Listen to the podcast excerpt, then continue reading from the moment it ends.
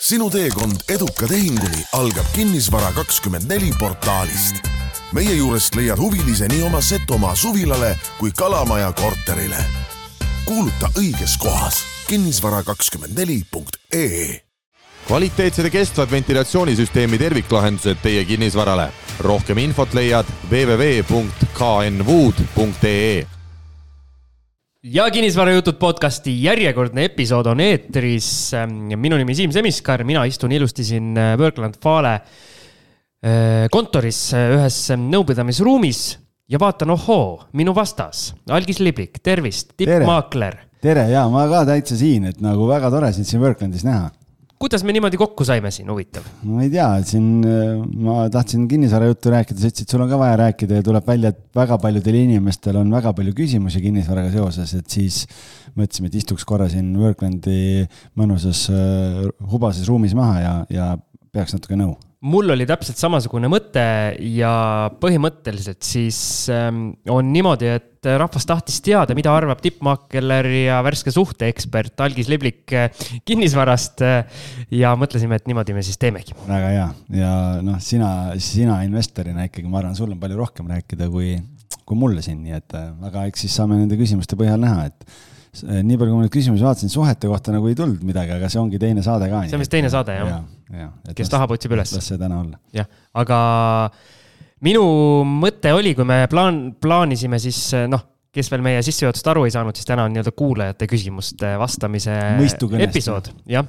ja kui me selle kokku leppisime, siis algis lõpuks ikkagi jõudis äh, selle postituse Facebookiga teha ja ma vaatasin, sinna ei tulegi küsimusi. mõtlesin, et äh, kas meie töö on nüüd tehtud, et me oleme nii palju osasid teinud, kõikide erinevate nurkade alt on kinnisvara läbi käinud, meie kuulajad äh, on juba nii haritud, et neil ei ole lihtsalt enam küsimusi. aga tuli välja, et inimesed on hoopis, hoopis mujal, hoopis teistes kohtades. inimesed on seal, kuhu sina jõudsid noh, nagu Arno jõudis koolimajja, kui tunnid juba alanud olid, et sina jõudsid ka Instagrami kunagi siis, kui juba kõik on TikTok'i igale poole hakanud ära liikuma. aga, aga tõele au andes jah, et, et Instagrami story'st tuli päris palju küsimusi, nii et aitäh kõigile, kes oma küsimused saatsid. Just, ja mõned, mõned küsimused tulid siis ka meilile ja mõned tulid Facebooki ehk siis kolmest erinevast meediumist korjasime küsimused kokku ja ma e-, enam-vähem üritasin eile õhtul need ära ka lahterdada, tulin, tulin oma objektilt, kõva remont käib, ülisuur äh, objekt on käes, leidsin natukene aega, et ikkagi meie podcast'i tegevusse ka panustada. no väga hea, et, äh, et selles mõttes first things first ikkagi on ju, et kodu on vaja valmis saada. just, esimene osa algab siit nagu first things first yeah. ehk siis alustame esimesest no, osast, seda jah, kuulajate küsimusi. ja põhimõtteliselt äh, esimene osa siis sellised üldised turuga seotud või sellised suurema vaate küsimused, et hakkame siis laiemast pildist pihta. ja, ja minagi tänan kõiki küsimuste esitajaid väga, kusjuures tõesti väga huvitavad küsimused on, olid. Äh, eile kohe mõtlesin ja panin endale juba märkmeid kirja, mul läks äh, ikkagi tunnike sinna kindlasti jah, no osad ennast pani ka nii-öelda mõtlema nagu. osad küsimused on ka sellised, millele me ei saa võib-olla otseselt vastata, sellepärast et me maksu ja juriidilist nõu ei anna, aga me saame siis viidata, sest meil on erinevaid saateid olnud, kust siis äh, saab vastava nii-öelda spetsialisti käest äh, info kätte. just, olgu see disclaimer siis, et ja. meie nii-öelda juristid ei ole ja, ja maksunõunikud ja. või mis see õige räägime teema on? oma kogemust, aga, aga alati tasub ikkagi pöörduda oma ala eksperdi poole. okei okay,, hakkame minema, esimene küsimus siis, äh, kas praegu on hea aeg osta kinnisvara või peaks veel ootama? see on miljoni dollari küsimus alati, nii palju, kui mina olen kinnisvaraturul olnud seitse aastat, siis see küsimus ei ole kunagi kuskile kadunud. Ja ma arvan, et äh, siin ühte õiget vastust ei ole, sellepärast et see, siin peaks kõigepealt küsima, et. Äh, mina olen mõelnud selle peale. osta mille jaoks? mul on hästi lühike vastus. enne kui sa hakkad, hakkad pikemalt alati rääkima. õige aeg? Äh, ei ole alati õige aeg. noh, selles mõttes, nagu võib-olla, aga ütleme nii, et ei ole alati no, õige aeg. minu põhimõte, ma olen selle peale mõelnud ja olen inimestega rääkinud ka, kes on sama küsimust erinevas vormis minu käest, minu käest küsinud nii-öelda silmast silma vestlustel ka, siis minu põhimõte praegu on see, et kui sa praeguses olukorras leiad hea diili, kus kõik numbrid kokku jooksevad, siis äh, seda ostmata jätta ei ole mingit mõtet. kui olukord läheb paremaks, siis see hea diil läheb veel paremaks. selles mõttes, et kui intressid peaksid langema nagu enamus konsensuslikult eh, ikkagi ootab, kas siis eh, võib-olla veel mitte algavast aastast, aga ütleme kaks tuhat kakskümmend viis sinna keskpaika, siis, eh, siis tingimused lähevad paremaks. kui majandusest tuleb nii Eesti kui Euroopa tuleb lõpuks välja sellest majandus nii-öelda tsüklist, sellest madaltsüklist välja hinnad hakkavad kasvama jälle, kinnisvarahinnad, sest kõik on tsükliline, igal juhul need kinnisvarahinnad jälle üks, üks hetk kasvama hakkavad, siis, siis sellisel juhul on see diil veel parem. kuldsed sõnad öeldakse või on öeldud erinevates USA podcast ides, peamiselt, mis ma kuulan seda Bigger Pocketsist, Pocketsit, et seal alati selliste küsimuste peale öeldakse, et, et küsi mõne inimese käest, kes ostis kümme aastat tagasi mingi kinnisvaraobjekti et kas ta ostis valel ajal või kas ta kahetseb oma ostu. Üheksakümmend üheksa koma üheksa protsenti ütlevad, et ei kahetse, isegi kui tol hetkel võib-olla äh, aasta või kahe perspektiivis ta ei teinud kõige paremat otsust, siis kümne aasta perspektiivis tavaliselt need otsused äh, otsused äh, on tagant vaadata või, või nagu tagantjärele vaadates ikkagi head. Nojah, ja siin ongi tegelikult ka see, et lihtsalt jaa, loomulikult on olnud paremaid aegu ostmiseks kui praegu, aga teistpidi on ka jälle see, et et see sõltub, noh, mis mina mõtlen lihtsalt, on see, et see sõltub ju nii paljudest asjadest, et selles mõttes ma olen nõus, et kui numbrid tänases turuolukorras juba töötavad, noh, siis sealt saab ainult paremaks minna. Äh, teine asi on see, et kui me räägime investeerimiseks, ostmiseks on üks asi, kui me räägime kodu ostmisest, on teine asi, sest kodu ostmine on vajaduspõhine ja seal sa ei ajasta turgu, vaid kui sul tuleb perelisa ja sul on suuremat korterit vaja, siis sa lihtsalt pead leidma selle sobiva kodu endale ja sa nagu lähtud sellest. aga ma arvan, meie võiks keskenduda siin selle investori vaatele. investori vaatele ja, ja selles mõttes, et äh, ma ütlen nii, et äh, jälle, mida me arutasime ka kaheksateist detsember äh, kinnisvarajutud aastalõpu laivis äh, Tõnu Toompargi ja Mihkel Helistega tegelikult on ju see, et äh, sa ei osta kinnisvara keskmise hinna baasil, et häid diile leiab igas turuolukorras ja sul on lihtsalt vaja need diilid üles leida, et mitte lähtuda sellest, et nüüd kas eelmisel kuul kinnisvarahinnad langesid kolm protsenti või tõusid neli protsenti, sest see näitab keskmist ja tehinguid on väga palju, et aga sina ostad ühte asja korraga. just, ja nii-öelda, kui sa praeguses olukorras näiteks midagi ostad, ega mitte keegi ei ütle, et võib-olla sa saaks kuue kuu pärast selle veel, ma ei tea, viis protsenti odavamalt või, või siis oleks saanud, aga. äkki ei saa? äkki ei saa, just, ja see lühikese perspektiivi mäng ei ole see mäng, mida kinnisvaraga mängida. et äh, vaat-, vaata pikka perspektiivi, kui praegu selle objektiga või ükskõik mis turuolukorras, kui numbrid välja jooksevad, sul on ka see nii-öelda negatiivne stsenaarium mahub sinna numbrite sisse kenasti ära. ehk siis, kui nii-öelda hinnad langevad, sul ei, sul ei tõuseks need kulud, nii-öelda laenukulud liiga üle pea, sa suudad seda laenu teenindada, siis nii-öelda hea diil tuleb ikkagi laualt ära võtta. olen nõus. väga hea, lähme edasi. teine küsimus see on nüüd pikem küsimus, oota, ma võtan kohe parema asendi, hakkan siin ette lugema. kas praegu on õige aeg kahe peale kodu osta? korter siis kahe kuni kolmetoaline Tallinna piires või maksta üüri kuussada viiskümmend eurot partneriga kahe peale. partnerile on töö pikas vaates garanteeritud, töötab IT-sektoris ja tema positsioon on viimane, kui koondamine tuleks mis on need väited, miks tasuks osta, mitte üürida? mis on see väide, miks tasuks osta kõige halvema stsenaariumi juures, kui peaks äh, näiteks see paar lahku minema? partner teie podcast'i ei kuula, kuid tahan talle faktipõhiselt selgeks teha, et kasulikum on osta, kui maksta võõrale. miks on halvem hiljem osta ja mida me sellega kaotame? sissemaksuraha on olemas ja tagatis äh, kinnisvara ka vajadusel on olemas. minu, äh, minu märkus, mis ma siia kirjutasin, oli lühike et kui on meelerahufond olemas, siis pole küsimustki, kindlasti osta. ja tegelikult ma lihtsalt täiendaks siia juurde veel seda, et me Siimuga tegime sellel teemal boonusosa. Et siin mõni aeg tagasi käis uudistest läbi umbes, et noh, et äh, üüri, kinnisvara üürida on tänases turuolukorras mõistlikum kui osta ja siis me Siimuga selle see boonusosa, mida te siis Patreoni keskkonnast, patreon.com kaldkriips kinnisvarajutud ähm, saate kuulata, kui te tulete meie toetajaks, kannab numbrit sada kolmkümmend seitse. meil läks päris pikaks see osa. ja, ja see oli ikkagi väga pikk ja põhjalik, et me võtsime seal Siimuga juppideks lahti ühe Mustamäe kahetoalise korteri ostu ja üüri võrdluse ja sealt joonistus kui ma praegu lihtsalt äh, numbrite peast ei mäleta, äh, aga joonistus kenasti välja, et miks ostmine on igal juhul mõttekam kui üürimine. ja, ja nii nagu tegelikult kuulaja ise ka kirjutas, siis kasulikum on äh, on maksta oma laenu tagasi, kui maksta võõra inimese pangalaenu. et sa ostad kinni. ikkagi ju ja. iga kuu väikest osa seda kinnisvara endale välja. sest noh, kui sa ostad omale selle kahetoalise Tallinna piires, ma ei tea, mis maksab, kus sa maksad üüri kuussada viiskümmend eurot, noh, tõenäoliselt see korteri hind on sinna sada viiskümmend tuhat, võib-olla umbes sinnakanti. noh, sul see laenumakse tuleb äh, täna võib-olla natukene kõrgem kui see kuussada viiskümmend eurot, aga teistpidi on see, et äh, sa maksad iga kuu põhiosa tagasi Äh, ja sa maksad enda, endale seda laenu tagasi, pluss on see, et sul see sissemaksuraha täna seisab niisama, see on seal, on seal olemas, on kindel, et sa ei kuluta seda ära mingitele asjadele, nii et, et mina igal juhul olen seda meelt, et mõistlikum on osta. eriti kui kõik need lisaaspektid, mis siin välja toodud on, ma kiidan, kiidan küsijat, et ta väga detailselt eh, nii-öelda selle tausta ka lahti seletas, palju lihtsam on niimoodi ju vastata, sest kui on tõesti selline töökoht, kus noh, ütleme nii, et äh, vallandamist võib ette tulla ükskõik millisel töökohal, eks, on ju. aga kui on selline enam-vähem äh, või võimalikult kindel ja stabiilne töökoht või siis selline amet, kus saab kiirelt uuesti tööle siis eh, miks ma selle meelerahufondi sisse tõingi, et kui on ikkagi kolme, minimaalselt kolme kuu, veel parem kuue kuu meelerahufond olemas, siis sul ongi eh, see baas olemas, millel, mille pealt seda kodulaenu teenindada, kui näiteks keegi töö kaotab.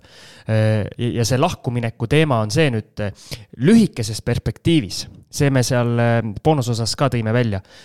võib juhtuda või ütleme siis kõige negatiivsem stsenaarium ongi see, kui lühike, lühikeses perspektiivis sul on vaja see korter kohe uuesti maha müüa. seal võib turu äh, olukorrast tingituna tekkida olukord, kus sa lõpuks äh, jääd siis pangale või no ütleme, pangale on raske võlgu jääda, kui sul on oma kapital sisse pandud, aga, aga ütleme nii, et jääd siis nagu miinusesse, kui me niimoodi väljendame ennast, aga aga see on ikkagi väga lühikeses perspektiivis, mida aasta edasi, mida aeg edasi, seda kasulikumaks, vähemalt meie vaatest, see iseostmine saab olema. ja, ja tegelikult siin tasub kindlasti ka ostmisel notariga konsulteerida, sellepärast et ka, ka nii-öelda elukaaslastel on võimalus valida siis selle, kas varaühisuse või varalahususe nii-öelda vahel, et kuidas seda ostetakse, kuidas see juriidiliselt vormistatakse. lihtsalt see pool on ka vaja siis, et noh selles mõttes, et loodame, et kõik on happily ever after, aga, aga kui tõesti peaks juhtuma, et mingil hetkel eh, nagu eh, paar laiali läheb, et siis eh, oleks vara jagamine nagu nii lihtne ja valutu kui võimalik. jah, kui te suudate juba omavahel kommunikeerida, et kui me peame või tähendab, kui me peaks lahku minema, et mis korterist siis saab, nii-öelda lepite enne kokku, et siis müütegi maha selle vara ja siis jagate raha, mis alles jääb jagate pooleks või mis iganes te kokku lepite, eks, siis, äh, siis ma ei näe küll nagu põhjust, miks see peaks kuidagi takistama mm. -hmm. on mul õigus? Äh, üks variant tegelikult veel on see, et kui te olete koos, nagu Algis ütleb, notaris äh, saab panna erinevad need okei okay,, kui te abielus olete, siis siis peab vist notari kaudu panema, kui on lihtsalt kooselu, siis äh, kui te lähete kahekesi notarisse, siis on viiskümmend, viiskümmend, aga võimalus on ka ühel poolel osta see korter endale.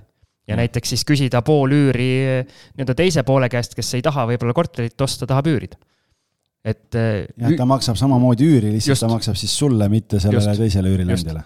et noh, see muidugi oleks natuke nii-öelda ühe tee pealt äh, nagu üks äh, läheb sama teed edasi, teine nagu pöörab kõrvale, aga minu meelest antud juhul see kõrvaltee oleks nagu mõistlikum tee. okei, lähme edasi. Äh, järgmine küsimus.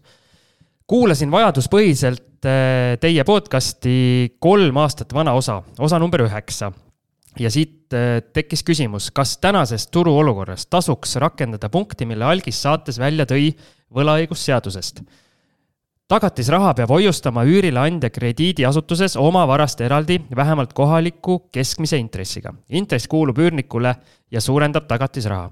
kui vastus sellele on jah, siis kas siis äh, sellise punkti olemasolust teades näib see uus üürnik üürileandjale tüütu putukas, tüütu putukas on siis jutumärkides, kes teab oma õigusi, oodates, et üürileandja seda võlaõigusseaduse lepingupunkti täidaks.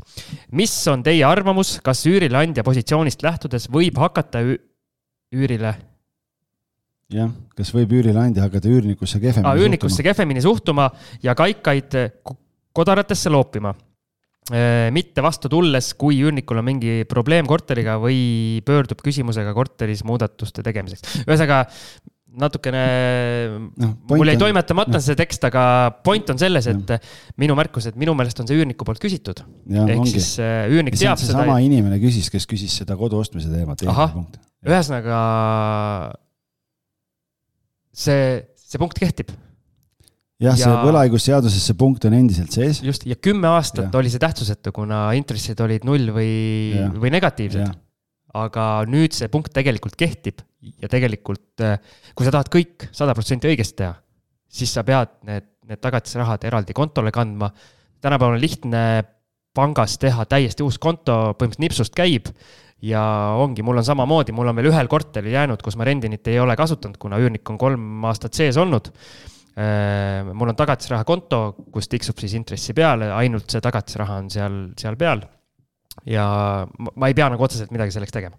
Jah, aga noh, tegelikult selles mõttes, äh, kui siin äh, noh, ma ei tea siiamaani jah, ei tea mitte ühtegi, ühtegi korda, kus, kus see oleks nii-öelda reaalselt üürnik saanud suurema tagatisraha tagasi, kui ta maksis, sellepärast et lihtsalt vahepeal, vahepealsetel aastatel siin äh, inflatsioon oli hirmus kõrge ja, ja tegelikult noh, mingid hoiuste mingit intressi kuskilt ei olnudki võimalik või isegi kui teenis, siis lihtsalt see inflatsioon sai selle raha ära aga tegelikult on see, et kui üürnik, noh, ta praegu üürnikuna küsis seda, et et, et kas ta on tüütu putukas. tegelikult, kui sa üürid korterit üürileandjalt, ega sa ei pea seda isegi küsima, sellepärast et seadus sätestab seda, et nii peab olema ja kui sa kunagi hakkad välja kolima, siis äh, sul on õigus küsida tegelikult äh, seda, aga sul peab olema siis võimalik tõendada ka, et kuidas, kui palju see hoius, kui palju oleks pidanud hoiusega juurde tulema seda ja teiselt poolt tõendama seda, et inflatsioon sellel perioodil ei ole olnud kõrgem, sellepärast et kui, kui inflatsiooni sinna kõrvale nagu juurde ei pane, siis tegelikult nagu need asjad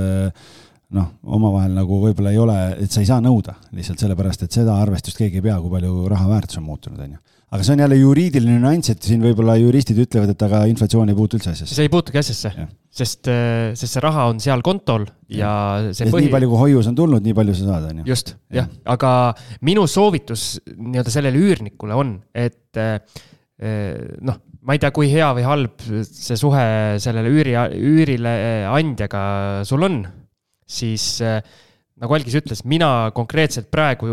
sul ei ole vaja torkida. jah ei ole vaja torkida. kui sa kolid välja, siis. kui sa, kui sa kardad jah. seda, et see rikub kuidagi suhteid ja sa tahad seal korteris edasi üürnik olla ja, ja sa arvad, et üürileandja kuidagi oma suhtumist tänu sellele, et sa hakkad sellise asjaga nii-öelda torkima, muudab, siis minu meelest ka ei ole mõtet nii-öelda torkida, sest noh ükskõik kui suur see tagatisraha on, siis me räägime ikkagi seal äh, viiest, kümnest, kahekümnest eurost maksimaalselt ja. mingite aastate jooksul. ja noh, ja seal ongi see, et kui sa hakkad seda teemat lahkama siis või küsima või, või kuidagi noh, nõudma ei ole õige sõna, üürileandjale koputad südamele, et umbes, et vaadake, et te siis ikkagi panete selle eraldi sinna hoiusekontole, sellepärast et ma tahan ikkagi nende aastate eest nagu saada, saada siis seda protsenti ka, kui see raha seal seisab, on ju siis jah, võib küll tekkida see tunne, ta mõtleb, et okei okay,, et see inimene on mingi pain in the ass, et temaga vist on targem mitte lepingut äkki teha.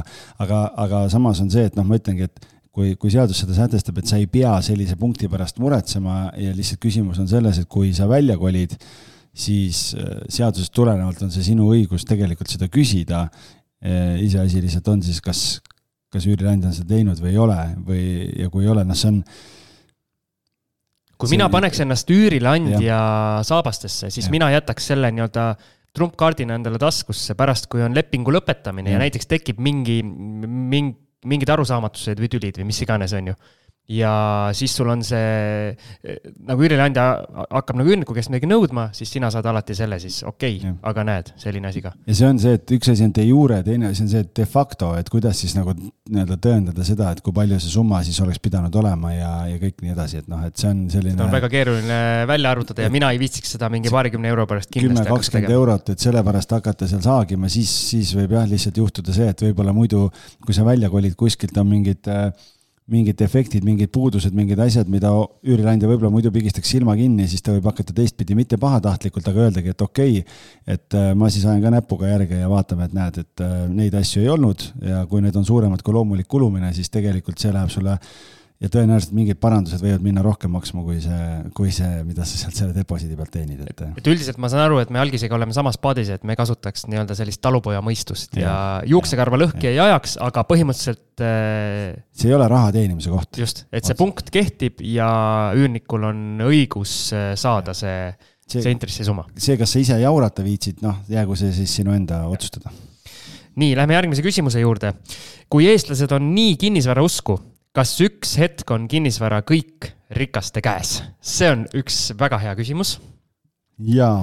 kui lugeda erinevaid Delfi kommentaare, kuhu ma vahest lihtsalt äh, antropoloogilisest huvist lähen, äh, kui on mingi selline äh, finantsvabaduse teemaline artikkel jälle või keegi nendest finantsvabadussõduritest võtab sõna kuskil suures meedias, siis üks mitte põhiargument, aga üks päris tihti esile kerkiv argument on see, et aga kui kõik oleksid finantsvabad ja investorid, siis ju keegi tööd ei teekski, kuidas see leib siis poodi jõuaks.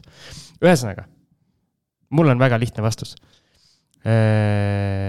kõik ei ole kinnisvarausku, meie oleme siin mulli sees ja meile tundub, et kõik investeerivad ja kõik investeerivad kinnisvarasse, siis tegelikult see nii ei ole ja see on ikkagi kaduvväike protsent üldse, kes kahjuks eestlastest oma rahaasjadel mingitki äh, silma peal hoiab ja natukenegi mõtleb selle peale.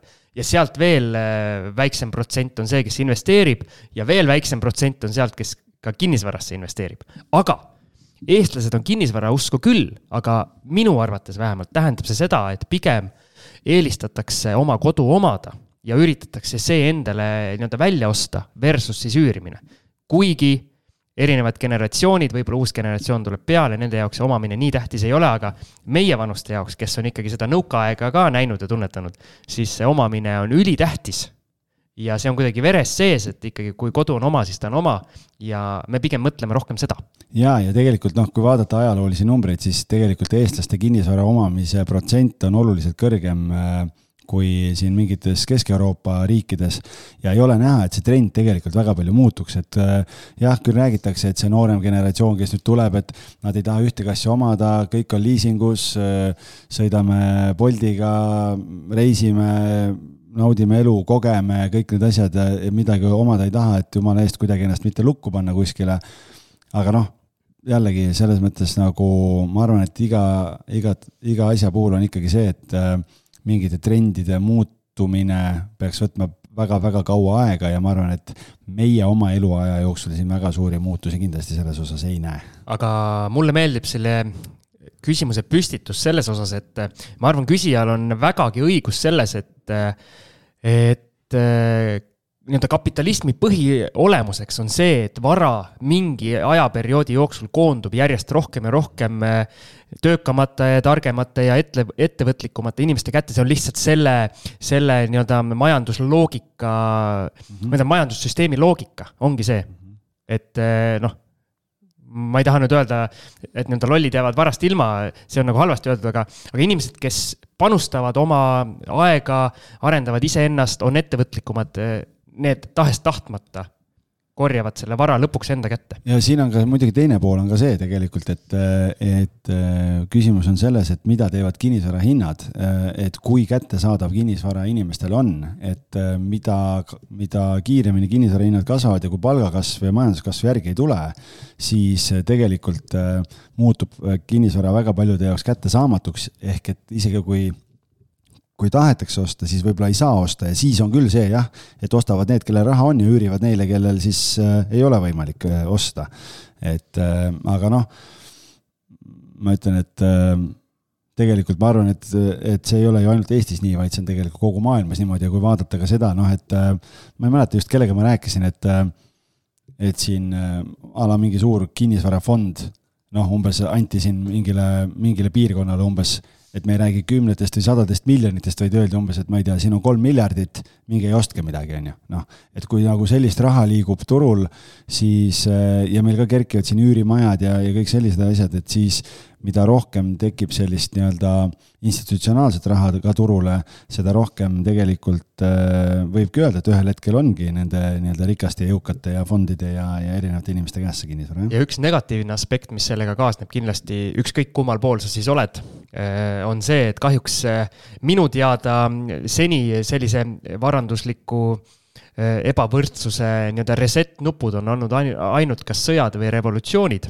loodame, et ei tule jah, loodame, et ei tule, aga ühtegi sellist rahulikku varade ümberjaotamist minu teada maailmas ei ole seni veel olnud. Robin Hoodi oleks vaja või?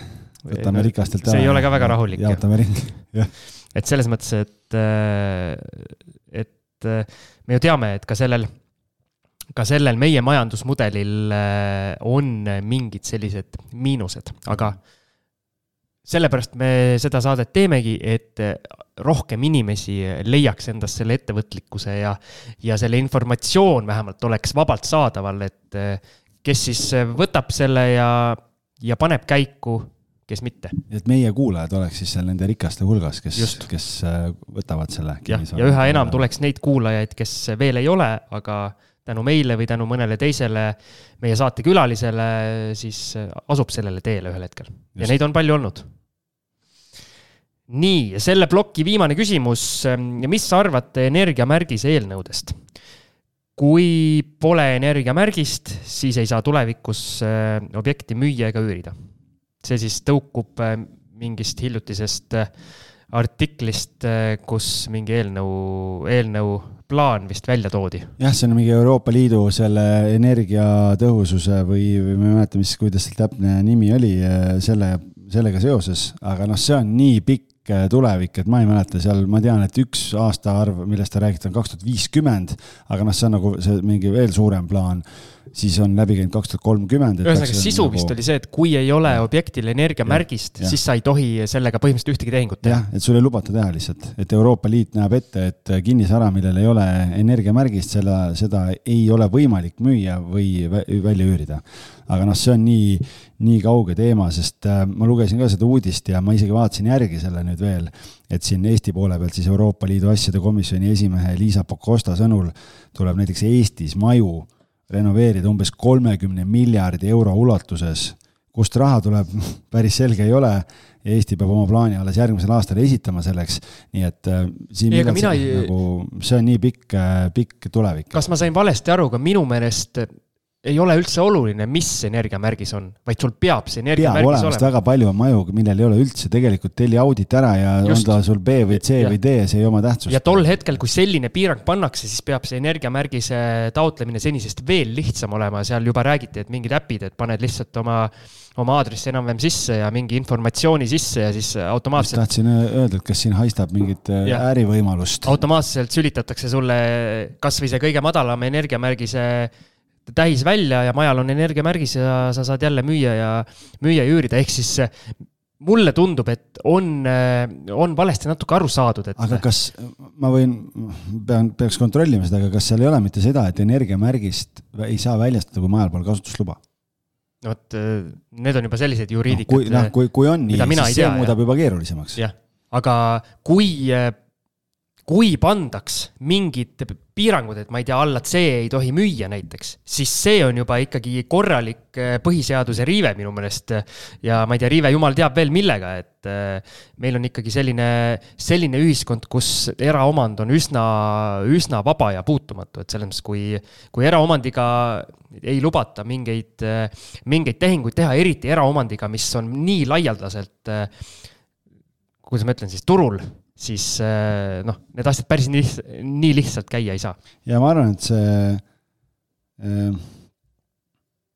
et selle kasutusloa seost, et äh, võib-olla ma ise siin mõtlesid välja selle? mõtlesin välja, et, et, et seda peaks nagu uurima, aga, aga mulle tundub, et see päris, minu meelest ei ole päris nii lihtne, et noh, võtad mingi vana suvalise äh, rondi ja tellid sinna energiamärgis ära, et seal ikkagi ka on mingid teatud nõuded eh, selleks, et sa saaksid seda energiamärgist tellida, et eh, ja kui need täidetud ei ole, siis ei saa seda teenust tellida, et see tähendab ikkagi seda, tegelikult selle energiatõhususe mõte seal taga on ju see, et majad saaks korda. jah, aga suurem, suurem hulk eh, tänapäevaseid nii-öelda kortermaju, selles mõttes, kus elatakse, ma arvan, nendega min-, mingeid probleeme ei teki, et ta saab oma selle, mis iganes F, F või mis need madalad energiamärgised oli. meil Jarek Kurnitski käis siin energiamärgistest rääkimas mõni aeg tagasi, siis mina ei näe, et seal mingi probleem tekiks. ma arvan ka, et praegu ei, me ei pea selle pärast muretsema, et, et küll ja kui see tekib, siis küll riik ikkagi leiab ka mingeid meetmeid ja lahendused, sellepärast et see ei saa olla ühepoolne, et me nõuame, aga me teistpidi nagu omalt poolt midagi selleks ei tee, et seda olukorda lahendada. just, ja kuna see puudutab nii paljusid inimesi, siis seal, kui ka midagi, midagi väga nii-öelda uut ja turgu muutvat sisse tuuakse, siis peavad seal olema kindlasti pikad üleminekuajad ja ühesõnaga mina absoluutselt selle pärast ei pabista. jah, te, tegeleme täna probleemidega, mis on aktuaalsed ja, ja lahendame neid, mitte akuutsed neid. akuutsed on hea sõna. et. tead, mis on akuutne probleem? väike. et äh, tahaks äh, vett juua. väike magneesiumi tase veres. väga hea, et äh, ait-, lumiorав aitab ära lahendada. nii, teeme pausi kvaliteetsed ja kestvad ventilatsioonisüsteemi terviklahendused teie kinnisvarale. rohkem infot leiad www.knwood.ee esimese äh, küsimuste plokki saime vastatud. mis sa arvad, Algis, kuidas meil läks? päris huvitavalt ütleks, et, äh, et ma mõtlesin, noh, mis meil seal ikka nii väga vastata, aga, aga täitsa, täitsa toredad diskussioonid tekivad kohe sinuga siin. just. Lähme teise ploki juurde ja siin on siis vähe konkreetsemad küsimused mõne sellise detailsema või väiksema teema kohta ja alustame siis sellise küsimusega, et mis võimalus oleks korteri keldriboks raha teenima panna? variant kõik korteriomanikud notarisse saada ja muuta kasutuskorda ei tundu hetkel teostatav. mis su mõtted on? esimene mõte või küsimus, mis sellega seoses tekkis, et kuidagi seda küsimust kuulates ja, ja keldriboksi sõna nähes, mitte panipaik, tekib seos, et tegemist on paneelmajaga. ja minu küsimus või mõte lihtsalt on see, et et kas seal keegi üldse tahab seda üürile võtta, et kas seda, kas seal üldse on seda raha teenimise alget üldse olemas, sest enamikes sellistes paneelmajades, kui keldrit korda ei ole tehtud, seisavad need boksid seal pooleldi tühjana ja keegi neid kasutada ei taha. aga kui kelder on korda tehtud ja, ja, ja näiteks on kuidagi niimoodi, et mingil korteril ei ole seda äh, keldriboksi äh, ja sina ise kasutada ei taha aga notariaalset kasutuskorda ega midagi ei ole, siis eh, noh, põhimõtteliselt sa saaksid teha ju seda nii-öelda ainult leti alt, et äh, Siim on Mati naaber, on ju, ja ütleb Matile, et kuule, kas sa keldriboksi kasutad, ta ütleb, et ei kasuta, kuule, aga anna kahekümne viie eurtsiga mulle, et mul on hädasti vaja, on ju.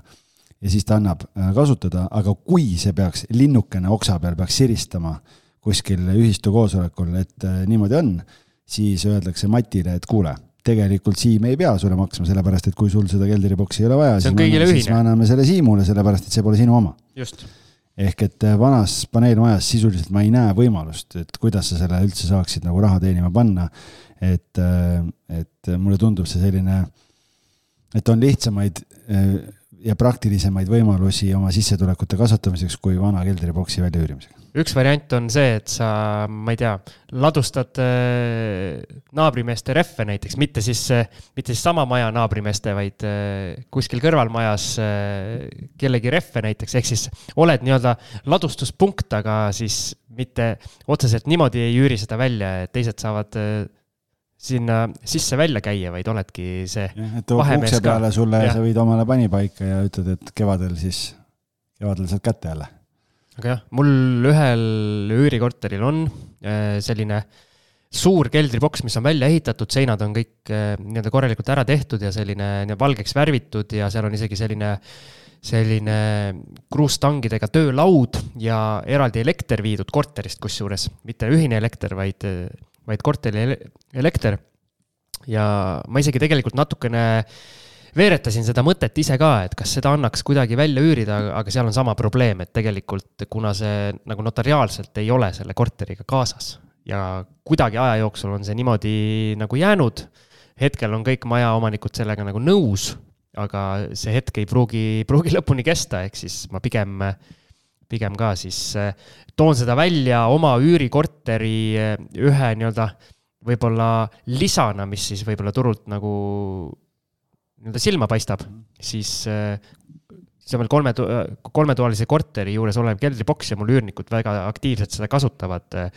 nii et selles osas neile on see, on see väga hea boonus, aga eraldi kuidagi raha teenima seda, seda panna mina ka ei ole leidnud isegi põhjust ja ka nii-öelda moodust. noh, see on pigem ikkagi sellistes uuemates majades sul on võimalik, et kui sul on ostetud endale kolmetoaline korter, sul on panipaik kaasas, kellelgi sa ise ei kasuta, sul ei ole vaja, kellelgi kahetoalisel äh, ei ole panipaika ja, ja soovib üürida, kui see kuulub juriidiliselt sulle, siis on see nagu absoluutselt lihtne. nagu parkimiskoht. aga lähme edasi.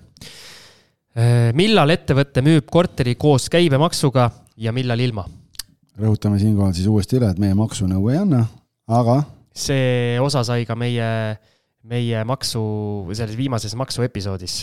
Jaa, et meil on kaks saadet, mis me soovitame ära kuulata, selle küsimuse küsijal on kaheksakümmend üks, kus Peeter Pärtel käis, kus me rääkisime kinnisvara maksustamisest. Ja saate sada viiskümmend kolm, kus siis Kristi Veskus Maksu- ja Tolliametist käis meile rääkimas kinnisvarast ja maksudest ja meil oli sealgi põhiliselt rääkisimegi käibemaksust.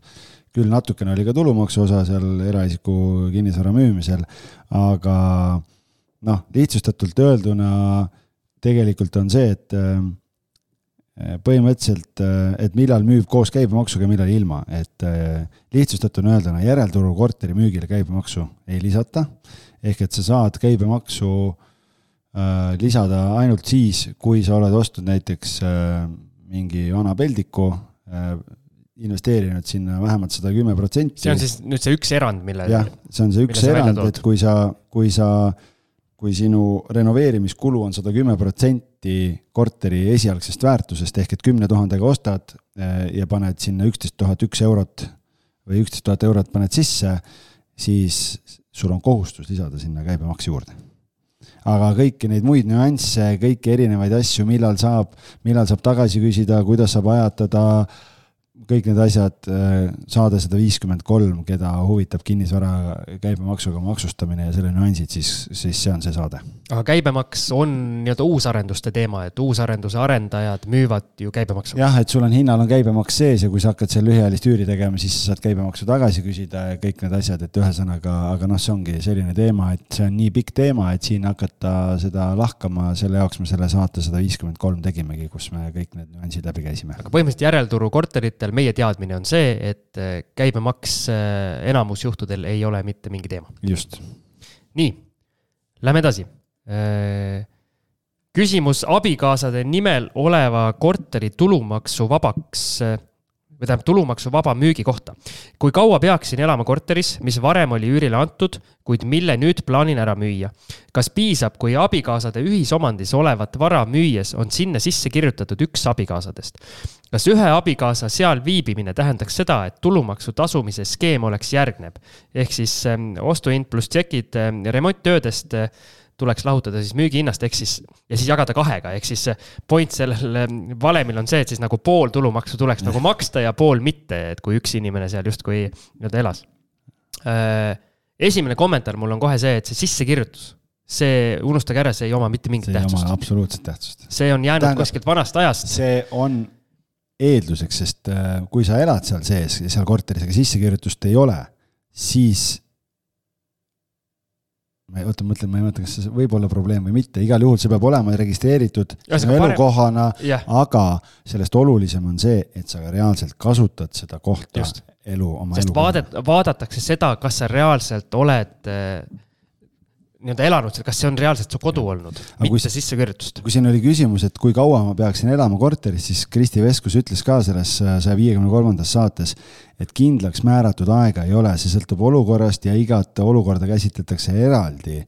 Ja, ja noh, sest me seal saates konkreetselt ju tõime ka, ma tõin selle näite, et kui eh, mul on üürikorter eh,, ma ei tea, ma eh, või noh, Matil on üürikorter kuskil, ta läheb naisest lahku Äh, lõpetab üürilepingu ära, kolib sinna korterisse sisse, ta ikkagi avastab, et, et see talle elukohana ikkagi ei meeldi, ei sobi, et tal on teistsugust vaja, paneb müüki, leiab nädala aja pärast äh, omale sinna ostja e, et kas ta siis peab maksma sealt tulumaksu või ei pea ja selle peale minu meelest, kui mälu ei peta, Maksuamet ütleski seda, et, et kui sa suudad ära põhjendada selle olukorra ja see tundub usutav ja loogiline. ja kui see on nii-öelda ühekordne tehing, mitte ja, nii, et see iga aasta, tähendab iga kahe aasta tagant samamoodi okay, teeb. et see ühekordne, siis, siis see on okei okay,, aga jah, et kui, et nagu ega maksuametnikud ei ole rumalad inimesed ja maksuamet väga, väga hoolikalt kontrollib äh, neid asju, seda ta rõhutas seal saates ka.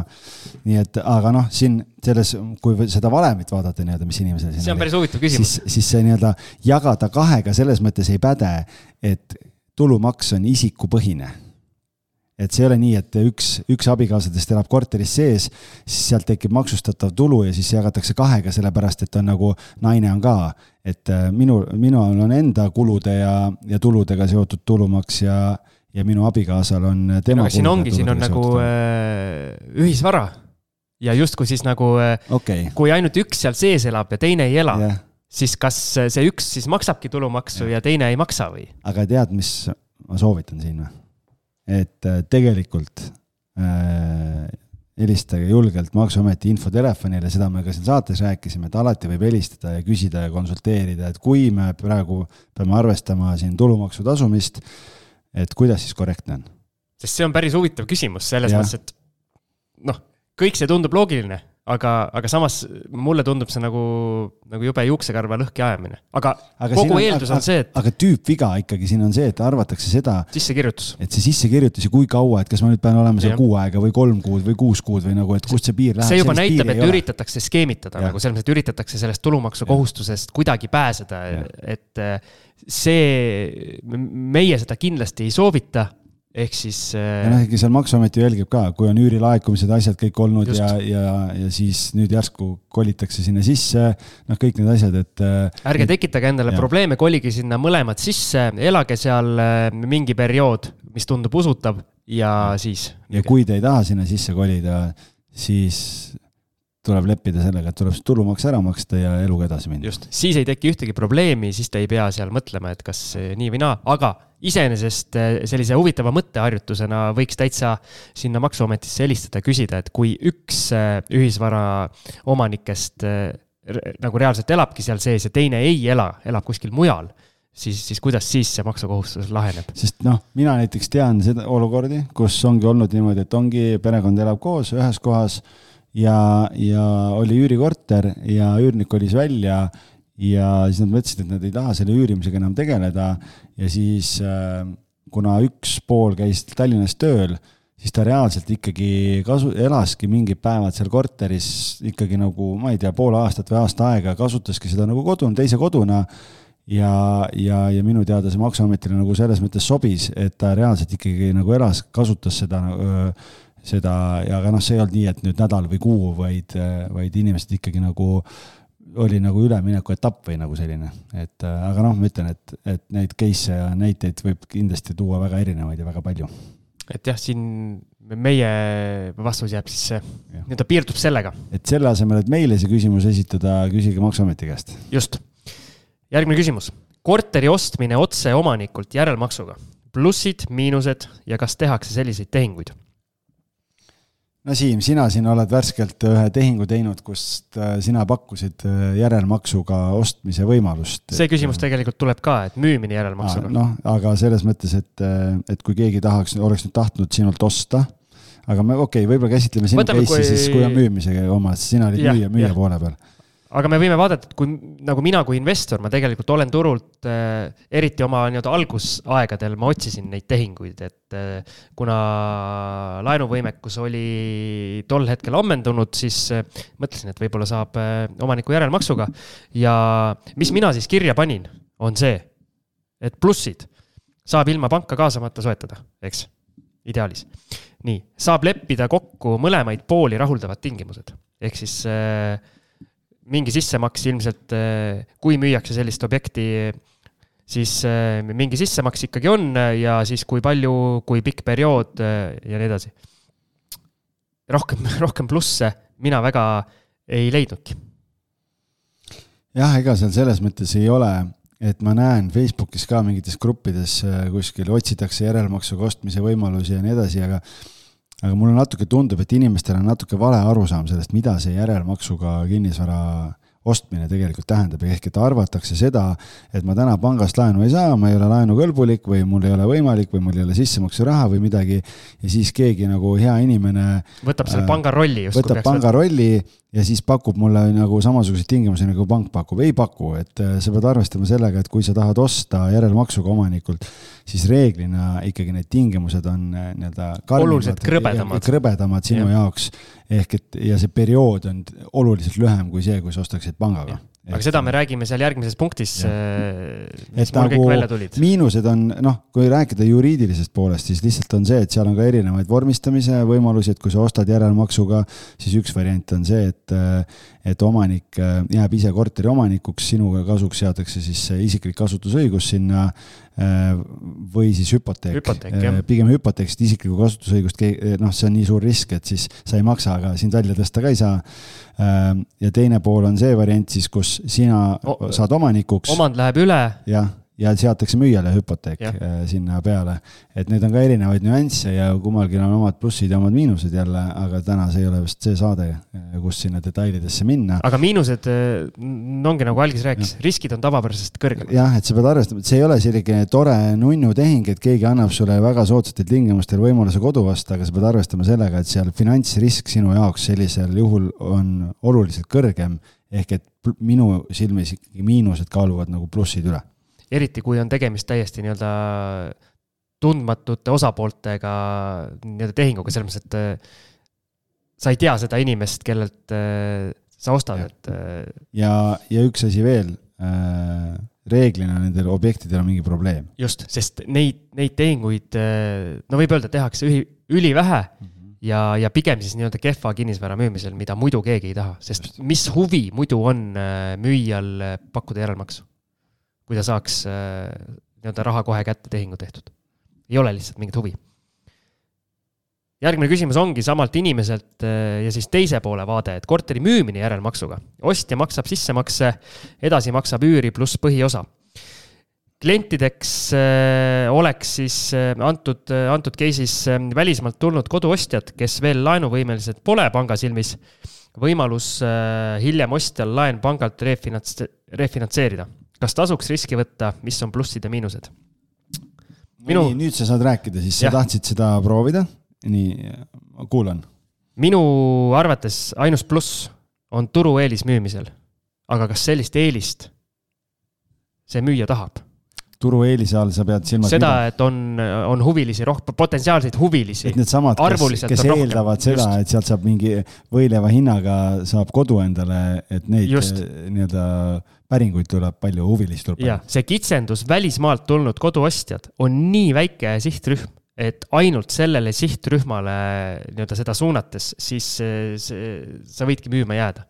minu kogemus, ma tegin või me tegime sellest boonusosa ka üsna hiljuti siis äh, ma panin ühe mugavusflipi müümisel äh, just täpselt selle klausli, et saab osta ka, ka järelmaksuga sobivate, sobivatel tingimustel ja enamus inimesi, te saate täpsemalt sealt nüüd boonusosast kuulata, aga enamus inimesi, kes kontakteerus, tuligi selle mõttega, nagu Algis eelmise küsimuse juures ütles, et nad eeldasid, et mina võtan nende riski ehk siis ma võtan pangariski endale, pakun samu tingimusi, mis suur institutsioon, institutsionaalne organisatsioon nagu pank eh, oma miljardite eurodega. ja mina siis väikese müüjana võtan samasuguse riski ja pakun talle veel paremaid tingimusi. see ei lenda mitte kuidagi ja sel hetkel, kui mina oma tingimused letti lõin, siis äh, mitte ühtegi vastust ma enam ei saanud. meil on äh, sinu sellest äh mugavusflipist, kus sa pakkusid seda võimalust, on kaks boonusosa. boonus sada nelikümmend üks, kuradi edukas tehing ehk Siimu laagri mugavusflipi numbrid. seal me vist ei rääkinud seda. ja siis on äh, boonusosa sada äh,, ma kohe ütlen sulle. tead, äkki see boonusosa tuleb veel äkki? meil on äkki see, sest me rääkisime selle linti küll, aga see võib alles tulla veel meil ei ole seda veel ülesse pandud, ehk siis okay, sel hetkel võib-olla võib, sel hetkel võib-olla, kui see saade tuleb, siis, siis tead, ma saan selle kiirelt äh, üle kontrollida, aga. ühesõnaga, et me oleme seda teemat tegelikult arutanud põhjalikumalt ka, seda järelmaksuga müümist ja, ja ostmist. et äh, aga igal juhul tasub Patreoni toetajaks tulla, sellepärast et äh, nagu te aru saate, siis seal me lahkamegi selliseid väga detailselt äh, või põhjalikumalt mingeid teemasid võib-olla, mida, mida niimoodi suure või nagu avalikkuse ees selles mõttes ei saa, et, et see on selline kinnine kogukond ja seal siis saame inimestega inimestele pakkuda natukene just, boonusosa sada nelikümmend neli, ehk siis antud, antud hetkel see ei ole veel väljas. See on mul mustandina, on kenasti Patreonis üleval, saab avalikult, see tuleb järgmisena jah. Okay.. nii et sel hetkel, kui teie seda saadet kuulate, siis sada nelikümmend neli boonusosa, kellel juurdepääs on, kellel ei ole, tehke. Järelmaksu eksperimendi kokkuvõte ja analüüs, täpselt selle, selle küsimuse vastus, ma arvan, aga kiirelt välja tuues, minu jaoks miinised, miinused, riskid on väga palju suuremad, siis kapital jääb vähemalt mingis osas kindlasti korteri alla ikka veel kinni, midagi sellega edasi teha ei saa. Nii et äh.... ja, ja ikkagi jälle see, et kui, kui sa müüd, ostja ostab ära järelmaksuga, maksab sissemaksu ära ja siis mingil hetkel tekivad raskused, ta ei müü, siis hakata juriidiliselt pead äh, nii-öelda saama, suutma selle olukorra ära lahendada, sellepärast et sa ei saa isegi kui sa saad sealt nii-öelda selle sisse makstud summad ja kõik saad nagu kätte, sa ei saa enne seda kellelegi teisele müüma hakata, kui teil on omavahel juriidiliselt, notariaalselt need asjad ära lahendatud niimoodi, et sul seal ei ole seda hüpoteeki enam või noh, mis iganes äh, olukord seal on, sest äh, ja see võib venida väga pikaks. jah, et võib-olla kui sa tõesti leiad sellise välismaalt tulnud koduostja, kellel finantsvõimekus on väga hea, tal on lihtsalt, ongi vaja mingit ajalist puhvrit, eh, et siin Eestis eh, näiteks näidata mingeid sissetulekuid ja sa oled veendunud, et ta suudab selle eh, refinantseerida mingi mõistliku aja jooksul, siis seda võib kaaluda, kui sa saad hinnapreemia selle eest müümisel. Mhm. näiteks kui turg, turg veab või nii-öelda lohistab jalgu järele ja sul on võimalus sellega oluliselt eh, nagu kallimalt see objekt maha müüa. see, et sa noh, siis võib seda kaaluda, aga lihtsalt selleks, et igal juhul objekt maha saada, müüa, siis äh, mina ei kaaluks seda. noh, tegelikult tulles korra tagasi veel selle järelmaksuga ostmise juurde, siis tegelikult ju ettevõte Numai, eh, Leedu, leedukad vist on nad, kes tulid ju aasta või kaks tagasi Eesti turule, pakuvad seda võimalust, et et üüri, et osta, ehk et see tähendab seda, et, et sa valid omale kodu välja, mida sa tahad osta, kui see vastab nende kriteeriumitele, mis nende portfelli ka sobib, nad ostavad selle kodu ära, sina justkui üürid seda neilt äh, paar aastat, äh, sellega sa kogud sisuliselt endale selle äh, sissemaksuraha kokku ja siis sul on võimalus äh, see korter eh, neilt kokku lepitud ajal ära osta, ehk et kui sa täna ei ole laenuvõimeline veel, siis sul on võimalus seda teha, aga see ei ole nagu järelmaksuga ostmine, vaid see on ikkagi nagu natukene teistsugune mudel, aga see on üks võimalus neile, kes võib-olla täna kohe osta ei saa, aga tahavad paari aasta pärast osta ja siis teevad juba valmis, ettevalmistavaid samme selleks. Aga samamoodi seal kindlasti vaadatakse ka nende inimeste tausta ja päris igaühele seda võimalust ei pakuta ehk siis sina väikese tegijana, kui sa müüd ühte oma flipi korterit näiteks niimoodi, siis mis on sinu võimekus uurida vastaspoole tausta selliselt, et enda jaoks riskid äh, maandada, mina väidan, et see on sisuliselt äh, võimatu. jah, ma olen nõus. nii, järgmine. kas müüa investeerimise eesmärgil soetatud korter, kui remondifond tõuseb ja sööb kasumi ära? alternatiiv on oodata, kuni remont tehtud ja siis müüa. mis väärtuse kasvu oodata võiks? plaanitava Teeks töödeks on väline soojustamine ja majatorustiku vahetus, ehk siis mitte täielik renoveerimine, vaid just need tööd, mis välja toodud. mis sina arvad? kas müüa või mitte müüa, selles on küsimus. see on äh, nokk kinni, saba lahti, sellepärast et siin sõltub sellest investeerimisteesist, mis kellelgi on, et äh, sõltub, mis su äh, mis su kaugem eesmärk on, sest tegelikult on nii, et kui, kui praegu tehakse need esimesed sammud ära, tehakse väline soojustus ära, tehakse torustik ära, küsimus on, et kui palju seal veel on vaja teha, et kui, kui maja saab ühe, näiteks mingil hetkel täielikult tehtud, siis kõikide korterite väärtus selles äh, selles majas ju tõuseb, mida parem seisukorras on maja, seda, seda nii-öelda kõrgem tuleb see hindamisakti väärtus sinna korteri külge. teisest küljest nüüd on küsimus selles, et jaa, kui see on nüüd investeerimise eesmärgil ostetud korter, siis äh, ja see remondifond tõuseb nagu üüratult, siis on tõest-, tõenäoliselt mõistlikum enne ära müüa ja ma saan tuua meie enda ühe flipi näite, kus me siin paar aastat tagasi ostsime äh, Uue Maailmas Koidu tänavale ühe seitsmeteist ruuduse korteri ja see maja oli väga kehvas seisukorras. me tegime korteri renoveerimise ära, me oleme sellest kunagi ka siin rääkinud ja, ja boonusosasid teinud ja enne seda, kui, kui tähendab, vahetult enne seda, kui meie korteri müüdud saime, otsustas korteriühistu, äh, et äh, tehakse maja korda ja võetakse laenu ja selleks, et seda laenu saaks, äh, siis korteriühistu koosolekul otsustati, et remondifond on neli eurot ruutmeeter. see on seitsmeteistruudune korter, ehk et selle korteri remondifond üle seitsmekümne euro ja selle korteri pikaajaline üür, mul oli seal üürileping vist oli kolmesaja üheksakümne viiega tegelikult isegi oli olemas, siis meil juhtus seal õnnetus, veeuputused, asjad, et praegu ei hakka uuesti seda lugu rääkima. ehk et kui nagu selle peale mõelda, et et kolmsada üheksakümmend viis saad üüri, aga meil see kolmesaja üheksakümne viie üüri tingimus oligi see, et mul oli üürikuulutuses oli kirjas, et remondifondi maksab omanik. ehk et sealt sa võtad siis selle seitsekümmend eurot maha, noh, sul jääb puhast rahavoogu kolmsada kakskümmend viis eurot et, et see on päris arvestatav, see on kakskümmend protsenti kuu üürist peaaegu. et see on nagu väga-väga suur osa ja meie, meie otsustasime selle korteri ära müüa, sellepärast et me nägime, et see tegelikult, kuna see laen võetakse, see on pikaks ajaks, et see ei muutu seal. Ja, ja noh, seitsmeteist ruuduse korteri üüril on kuskil lagi ees, et et selles plaanis see nagu sõltub, et, et noh, täna ma müün samas ühte korterit, mis on sada viisteist ruutu, seal on remondifond on üks euro ruutmeeter, sada viisteist eurot sellise korteri puhul ei tundu nagu liiga hull, sellepärast et korteri üldine kommunaalide tase on okei. Okay.. et seal peabki vaatama nagu seda, et milline on see üldine kommunaalide hulk ja kui suure osa siis moodustab remondifond sellest, sellepärast et äh, eriti tänases turuolukorras, kus praegu, kui me salvestame seda saadet siin kaks tuhat kakskümmend neli jaanuaris, siis äh, Tallinnas on üle kolmekümne protsendi ülepakkumist tavapärasega võrreldes äh, Tallinnas, siis üürnik vaatab kogu kulu ja kui see remondifond on seal, ma ei tea, viiskümmend, seitsekümmend, sada eurot, siis psühholoogiliselt juba paneb see sul kohe üürihinnale surve, sellepärast et ta ütleb, et vau-vau-vau, on ju, et ma ei, ei ma seda korterit ei võta, sest kui tal on valida, siis ta maksab pigem viiskümmend või sada eurot rohkem üüri kui kommunaale. Aga okei okay,, sinu soovitus on müüa, aga kas müüa enne renoveerimist või pärast ähm,? enne. sellel samal põhjusel.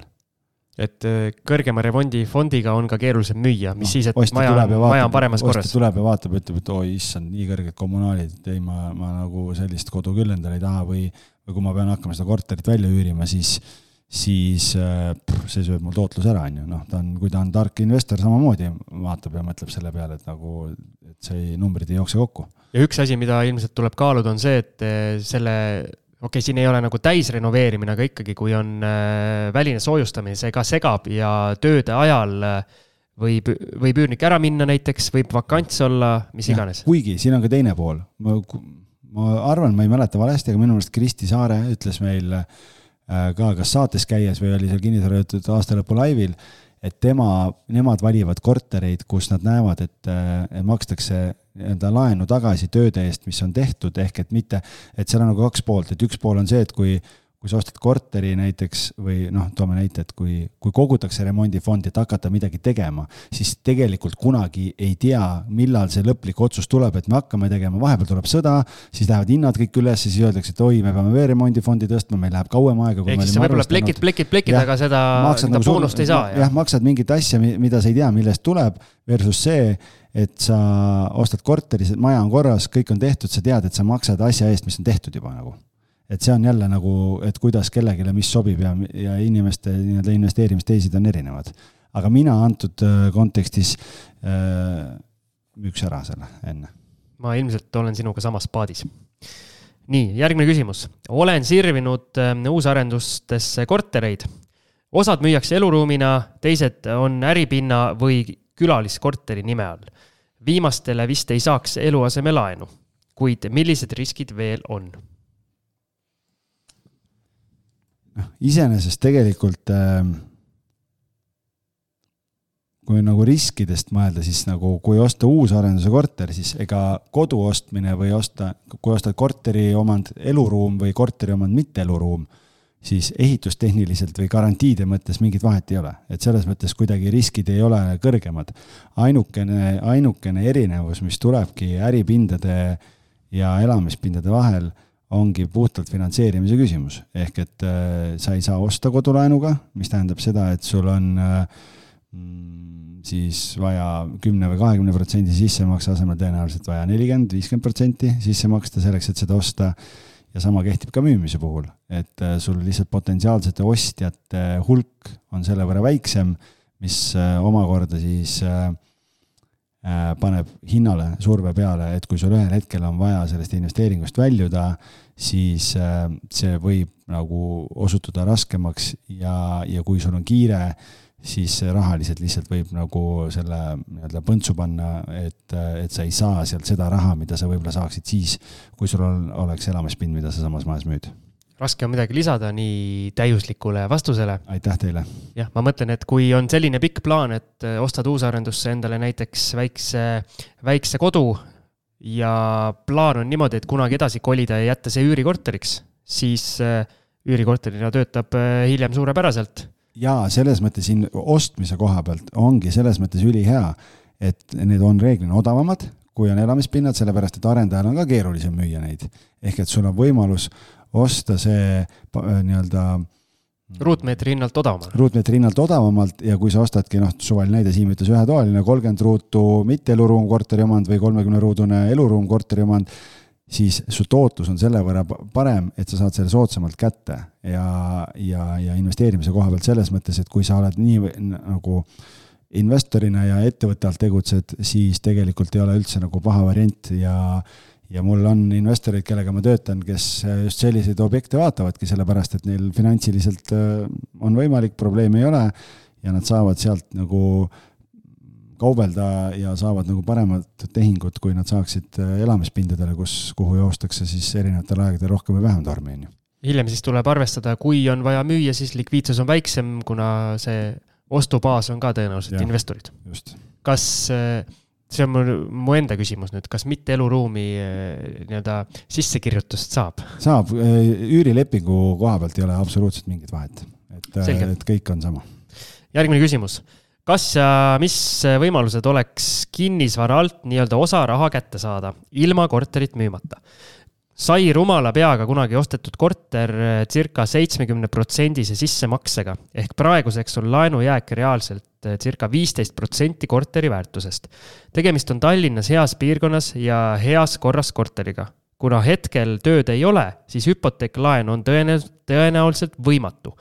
võib-olla on mingi lahendus, mille peale ma ise pole tulnud. see oli päris huvitav selline nii-öelda case, äh, kus mul, mul ei olegi, mul ei olegi ühtegi head mõtet. siin on, selles võrrandis on üks väga suur error. kuid tööd ei ole? jah, sest pankade jaoks ei ole täna nagu pangad ei võta sind jutule lihtsalt. aga kas mõnes laenukontoris või eralaenaja käest saaks kinnisvaratagatisel laenu näiteks? aga samas, kas nii kõrge intressiga on mõistlik seda raha sealt välja võtta? jaa, samas tulles nüüd selle juurde, et, et meil käis eile üks pank külas kontoris ja see pank tuleb meil saatesse külla ka, väike diiser, siis nemad ütlesid niimoodi, see on üks Eesti pank, kes tahab kasvada kiiresti ja nemad ütlesid niimoodi, et neil ei ole vaja näiteks seda, et inimene oleks katseaja lõpetanud, ei ole kuue kuu laekumisi vaja et nemad arvestavad juba seda, kui inimesel on kaks laekumist. miks kaks, mitte üks? Äh, sellepärast, et esimene kuu võib olla poolik ja teisel kuul, kui on juba terve kuu laekumine, siis, äh, siis nad juba võtavad seda arvesse. ehk et kui inimesel on ikkagi soov praegu see raha sealt äh, kinnisvara alt kätte saada, siis peaks ikkagi mõtlema selle peale, et kuhu saaks minna tööle ja, ja, ja, ja teha siis kasvõi sellepärast siis nii-öelda et ta saab selle raha sealt kätte ja siis tuleb nagu töölt äh, ära, piltlikult öeldes, ma ei saa nõu anda, on ju, aga ma ei näe ühtegi teist varianti, sellepärast et nagu millise panga või finan-, finantseerija jaoks oled sa atraktiivne, kui sul täna sissetulekut ei ole? aga minu küsimus on see, et oletame nüüd kui sa tahad refinantseerida selle laenu, kas äh, pank on nõus kodulaenu andma selliselt, et see raha, mille sa sealt alt nagu välja võtad, et sellel mingit konkreetset kasutusotstarvet ei ole, et see jääbki siis pangakontole? okei okay,, see on jälle jah, hea küsimus, et ega no siis oleks variant minna mõne sellise nii-öelda äkilisema, äkilisema laenukontori jutule, siis kinnisvaratagatisel kindlasti saaks laenu, eks, aga, aga jällegi, mille jaoks see laen on kas äh, kui sa piltlikult öeldes selle raha maha sööd, siis sul jääb väga kõrge intressiga laenukohustus. üks võimalus või mõte, mis mul veel tekkis, on see, et küsimus on selles, et, et kui inimene ostis selle, et millal ta ostis? Et kas selle korteri väärtus on muutunud ostmisega võrreldes, võib-olla ta ostis selle mõned aastad tagasi. ja sest kui on reaalselt, kui ta ostis seitsmekümne protsessi sissemaksega ja laenujääk on hetkel viisteist protsenti korteri väärtusest, siis see tähendab, et ta on ju mingi osa sellest ju ära maksnud. ehk et seal on võib-olla see variant, et äh, võib-olla peaks laskma korteri uuesti ära hinnata, kui sealt tekib see väärtuse kasv, et võib-olla tegelikult äh, nojah, ta ei saa raha ikkagi kätte, selles mõttes ma mõtlesin selle peale, et võib-olla saab nagu hüpoteegist vabaks, aga sa pead laenu ikkagi tagasi maksma, et seda, seda varianti nagu ei ole, on ju. et äh, keeruline äh, case, siin me jälle ütleme, me ei ole mingid finantsnõustajad ega mitte keegi. jälle soovitus. minge panka. kirjuta kõikidesse pankadesse ja ütle, mul on selline olukord. selline probleem, selline probleem, mida teha. mida te pakute, mis ja. võimalused mul on? just, ja saad mingi teekaardi võib-olla mõnest pangast siis, kes, kes annab mõne hea idee. aga äh, keeruline olukord, aga väga hea küsimus, aitäh selle küsimuse eest. ja meie soovitus äh, kõikidesse pankadesse kirjutada oma probleem ära halba see kindlasti kõik ei tee. kõik pangad tähendab Swedbank, SEB, LHV, Coop, Luminor, Bigbank, Citadele, Holm. Äh, kaheksa panka on need juba, kaheksa panka, et ja uskuge mind, väga erinevad vastused tulevad. just.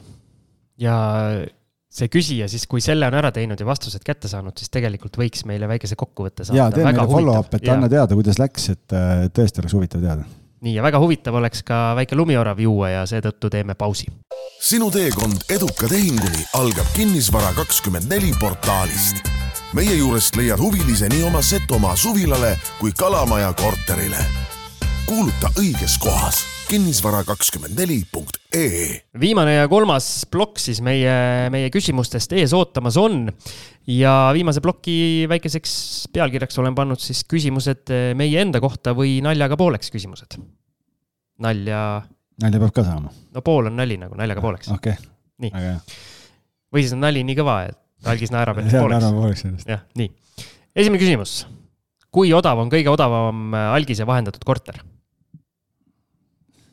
Tead, ma pidin isegi natukene siin ajaloos äh, sorima äh, selles mõttes, et äh,. no sa oledki arhiivialgis ju. jah, ja no mis sa pakud, võtame üürikorteri kõigepealt, Siim, et äh, mis sa pakud? kakssada seitsekümmend viis. külm, hea külm. nelisada viiskümmend. no see ikka täitsa vales suunas paned. sada seitsekümmend viis. Sada seitsekümmend eurot.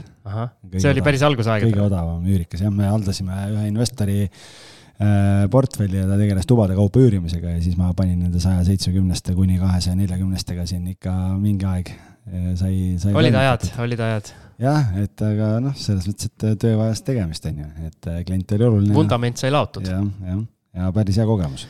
nii, müügi. Äh, ja müügi puhul äh, ma ei suutnud meenutada ühtegi, vaatasin küll ka mingite tehingute ajalugu, aga kuidagi kuuskümmend tuhat nagu tundub, et on kõige odavam korter olnud, mille ma olen, olen müünud. selge, saime kätte need numbrid. kõige kallimat tahad ka teada? no kõige kallim ka, jah. kõige kallim oli üle viie miljoni euro. Et äh, päris suur vahe on ju. noh, kui meil siin saates on käinud maaklerid kolm kuni viis protsenti, noh mm.. ei, ei, selliste tehingutega ei ole siin need äh, sellised, ei ole. ma saan aru, ma saan aru. väga huvitav. aga noh, väga erinevad äh, liivakastid, väga erinevad objektid, väga erinev taust, väga erinev töö, väga erinev ajamõõde, kõik, kõik. aga kõige kallim üürikorter on sul ka? kõige kallim üürikorter on olnud mm, kolm tuhat eurot okei okay,, äh, ma loodan, et küsija sai selle ja. infovajaduse ja. nüüd rahuldatud, mis tal oli. järgmine küsimus, milline oleks teie investeerimisstrateegia uute korterite puhul? No Siim, sina ei ole väga uusarenduste mees, aga ma kuulaks kohe huviga siis sinu strateegiat. ma just mõtlengi, et kui, ma nagu täpselt ei saa sellest küsimusest aru, et kui on mõeldud uusarendusi, siis minul seoses uusarendustega hetkel strateegiad puuduvad okei. aga kui on mõeldud. see on ka hea strateegia. jah, kui on lihtsalt mõeldud nagu uute korterite puhul seda, et noh, et nagu järgmine objekt või uus objekt, mis sulle ette tuleb, siis, siis ma saan selle ka siin äh, nii-öelda välja käia siis pidevalt siin viimased kuu aega remonti tehes ma olen saanud põrgatada ja mõelda igasugu huvitavaid mõtteid, siis mul on praegu hakanud kaks strateegiat meeldima, mida ma olen mõlemad ka teinud. ja üks on siis toalisuse muutmine ja seda ilma siis kööki nihutamata, ehk siis kuskile ehitada üks tuba juurde ja teine strateegia on siis hästi korda tehtud väikesed pinnad, kus siis absoluuthind on nii-öelda paljudele ostjatele võimetekohane. konkreetne näide siis mul see laagri mugavusflip, mis ruuduhinnalt tuli noh, vist konkurentsitult kõige kõrgem eh, ruutmeetri hind eh, piirkonnas. aga absoluuthind oli jällegi väga taskukohane siis, eh, kuna ta oli väike aga, aga sul on uusarendustega kindlasti väga palju strateegiaid mul on palju strateegiaid ja mõni neist äh, on siin kohe vastu taevast ka lendamas, et äh,. tahad sa sellest rääkida? praegu veel ei räägi, sellepärast et äh, kriitilised paar nädalat on veel ees. Äh, et äh, aga siin üks, üks äh, tehing on siin vastu taevast lendamas, mis sai ise tehtud siin poolteist aastat tagasi, sellel ajal, kui veel muru oli roheline ja taevas oli sinine. aga, aga räägime sellest võib-olla kunagi hiljem, et aga, aga noh ütleme nii, et äh, noh, need, kui strateegiatest rääkida, siis äh, meil just käis ju Sanders äh, Skoorik käis külas siin, on ju, kes, kes rääkis, kuidas tema uusarendustega toimetab, et, et ma arvan, et noh, nii palju, kui ma ise olen investoritega töötanud, siis ma näen seda, et üks selline hea strateegia, mis reeglina toimib, mis nüüd antud minu enda ja noh, nagu meil Keniga see investeerimistees nagu lendas selles mõttes vastu taevast et, äh, et kui arendaja hakkab uut arendust tegema kuskile, mitte ühte maja, vaid tegema elamukvartalit kuskile, et kui sa oled päris alguses seal kohe esimesena äh, platsis, siis sul on võimalus äh, valida ja saada väga hea hinnaga võib-olla seal mingid objektid kätte. ja kui sa siis ostadki selle mõttega, et sa hoiad seal, ma ei tea, kolm aastat, viis aastat, kuni arendaja on seal esimese etapi, teise etapi, kolmanda etapi mingid osad on nagu ära teinud ja ja teeb sulle nii-öelda turgu ette eh, järjest tõusvate hindadega, sest reeglina iga etapiga hinnad lähevad kõrgemaks. et siis, siis sa võtad sealt selle vahepeal tekkinud väärtuse kasvu välja ja, ja, ja see on nagu üks variant. aga, aga noh, ma ütlengi, et see, seesama võll, mille me tegime kaks tuhat kakskümmend kaks suvi, me ostsimegi selle mõttega, et plaan A on see, et ostame, paneme üürile ja, ja, ja hoiame ja siis kunagi aastate pärast müüme, kui arendus on valmis kõik plaan B oli see, et, et kuna me saime ta soodsamalt kätte oluliselt kui ülejäänud korterid, mis neil müügis olid, et, et kui ta saab valmis, siis müüme ära ja võtame sealt kasumi. nüüd pooleteist aastaga on turg nii palju muutunud ja praegu on asjaõiguslepingu sõlmimise aeg tulemas, et plaan A ei tööta ja plaan B ka ei tööta enam, sellepärast et arendaja on hindadest tulnud nii palju allapoole, et meil ei ole täna konkurentsieelist enam et äh, ja, ja, ja pankade finantseerimistingimused ja kõik on nii palju muutunud, et äh, ja meil on mingid hüpoteeklaenu pakkumised, asjad on olemas, aga lihtsalt äh, täna, täna kipub nii minema, et kui, kui me siin ühe potentsiaalse nii-öelda ostjaga tehingut lukku ei saa, siis me jääme sellest võllist ilma. ikka rääkisid ära lõpuks? noh, selles mõttes, et detailidesse võib-olla ei lähe, et kunagi võib-olla saame mingi boonusosa või midagi teha, aga aga selles mõttes, et see on, see on äh, nii-öelda teatud turusegmendis või turu ajal on see väga hea moodus, aga, aga tollel hetkel, kui see võll sai tehtud, äh, siis ähm, Euribor oli veel negatiivne äh, ja kõik oli nagu okei okay,, aga lihtsalt me jäime diskole hiljaks, et no sa ei ole eriline diskomees ka. ei ole. jah, nagu vahel harva satud ja siis satud ka, kui koristaja hakkab juba, juba külalisi välja ajama, on ju et äh, aga noh, et äh, praegu veel on, on natukene aega, et me oleme arendajaga siin ühenduses olnud ja tegeleme sellega ja, ja, ja et vaatame, et äkki õnnestub ikkagi, ikkagi see tehing niimoodi ära päästa, et me päris kõike raha nagu ei kaota, on ju. aga, aga ma ütlen, et, et see on üks võimalikke strateegiaid, lihtsalt peab siis õigel ajal seda õigel ajal tegema, õigel ajal tegema ja, ja võib-olla plaan A-le ja plaan B-le siis lisaks C ja D ka sinna juurde mõtlema veel. no super Lähme edasi, kas teie endi puhul tuleks kunagi ja millistel tingimustel tuleks äh, kaalumisele investeeringud välismaisesse kinnisvarasse? olles kuulanud Gretel Kutani siin ja Sanders Skoorik, siis ma ütlen, et väga põnev tundub see välismaa kinnisvara, aga teistpidi jälle nagu seal peaks olema mingi kaugem, kaugem strateegia või pikem strateegia natukene et lihtsalt sellepärast, et osta nüüd üks korter kuskile Costa del Sol'i või üks korter Dubaisse, see nagu ei tundu sellise väga läbimõeldud strateegiana, et see peaks ikkagi olema natukene suurema, pikema plaaniga. just, mis sina arvad? ma panin endale samamoodi kirja, et ma kindlasti kunagi kaalun seda, kui lapsed on suuremad, sest mul on praegu see nii-öelda reisimise ja liikumise probleem ka, et kolme väikese, kolme väikese lapsega nagu väga kuskile veel ei lähe või no ei taha minna. ja rikkamaks peab ka saama sest äh, nii palju, kui ma olen kuulanud Greteli seda suurepärast uut podcast'i ka äh, sealt Marbella kinnisvarast, siis äh, noh, seal ikkagi selliste summadega nagu Vaidas äh, laineid lüüakse, sellega ei ole mõtet minna. terve nagu. portfelli vedelaks tegema. ja ma saan aru, seal selline Vaida korter, äh, sa maksad enam-vähem kuskil tehingutasudeks lõpuks, nii et eile just kuulasin Greteli. teed bronni sellega. ja Greteli ja ta kaassaatejuhi, kusjuures Nad, äh, mulle tundub, ma nüüd äh, võib-olla saan väga valesti aru, aga nad on võtnud meie selle nii-öelda šniti, et, et Gretel on nagu mina ja siis ta on mhm. kaasanud äh, maakleri eksperdiks. paneb puid alla. aga, aga Gretel teab kordades rohkem kui maakler. okei. selles mõttes ja, ja. okei, tegelikult nii ei ole, tegelikult nii ei ole. ma tahtsin natukene nagu enda saba tõsta aga ühesõnaga. no pidi ju siin naljaga pooleks. jah, aga ühesõnaga nende see nii-öelda duo on üsna sarnane, et Gretel on nagu investor, kes tegutseb põllul ja siis on nii-öelda maakler eksperdina ja. targutav teoreetik. jah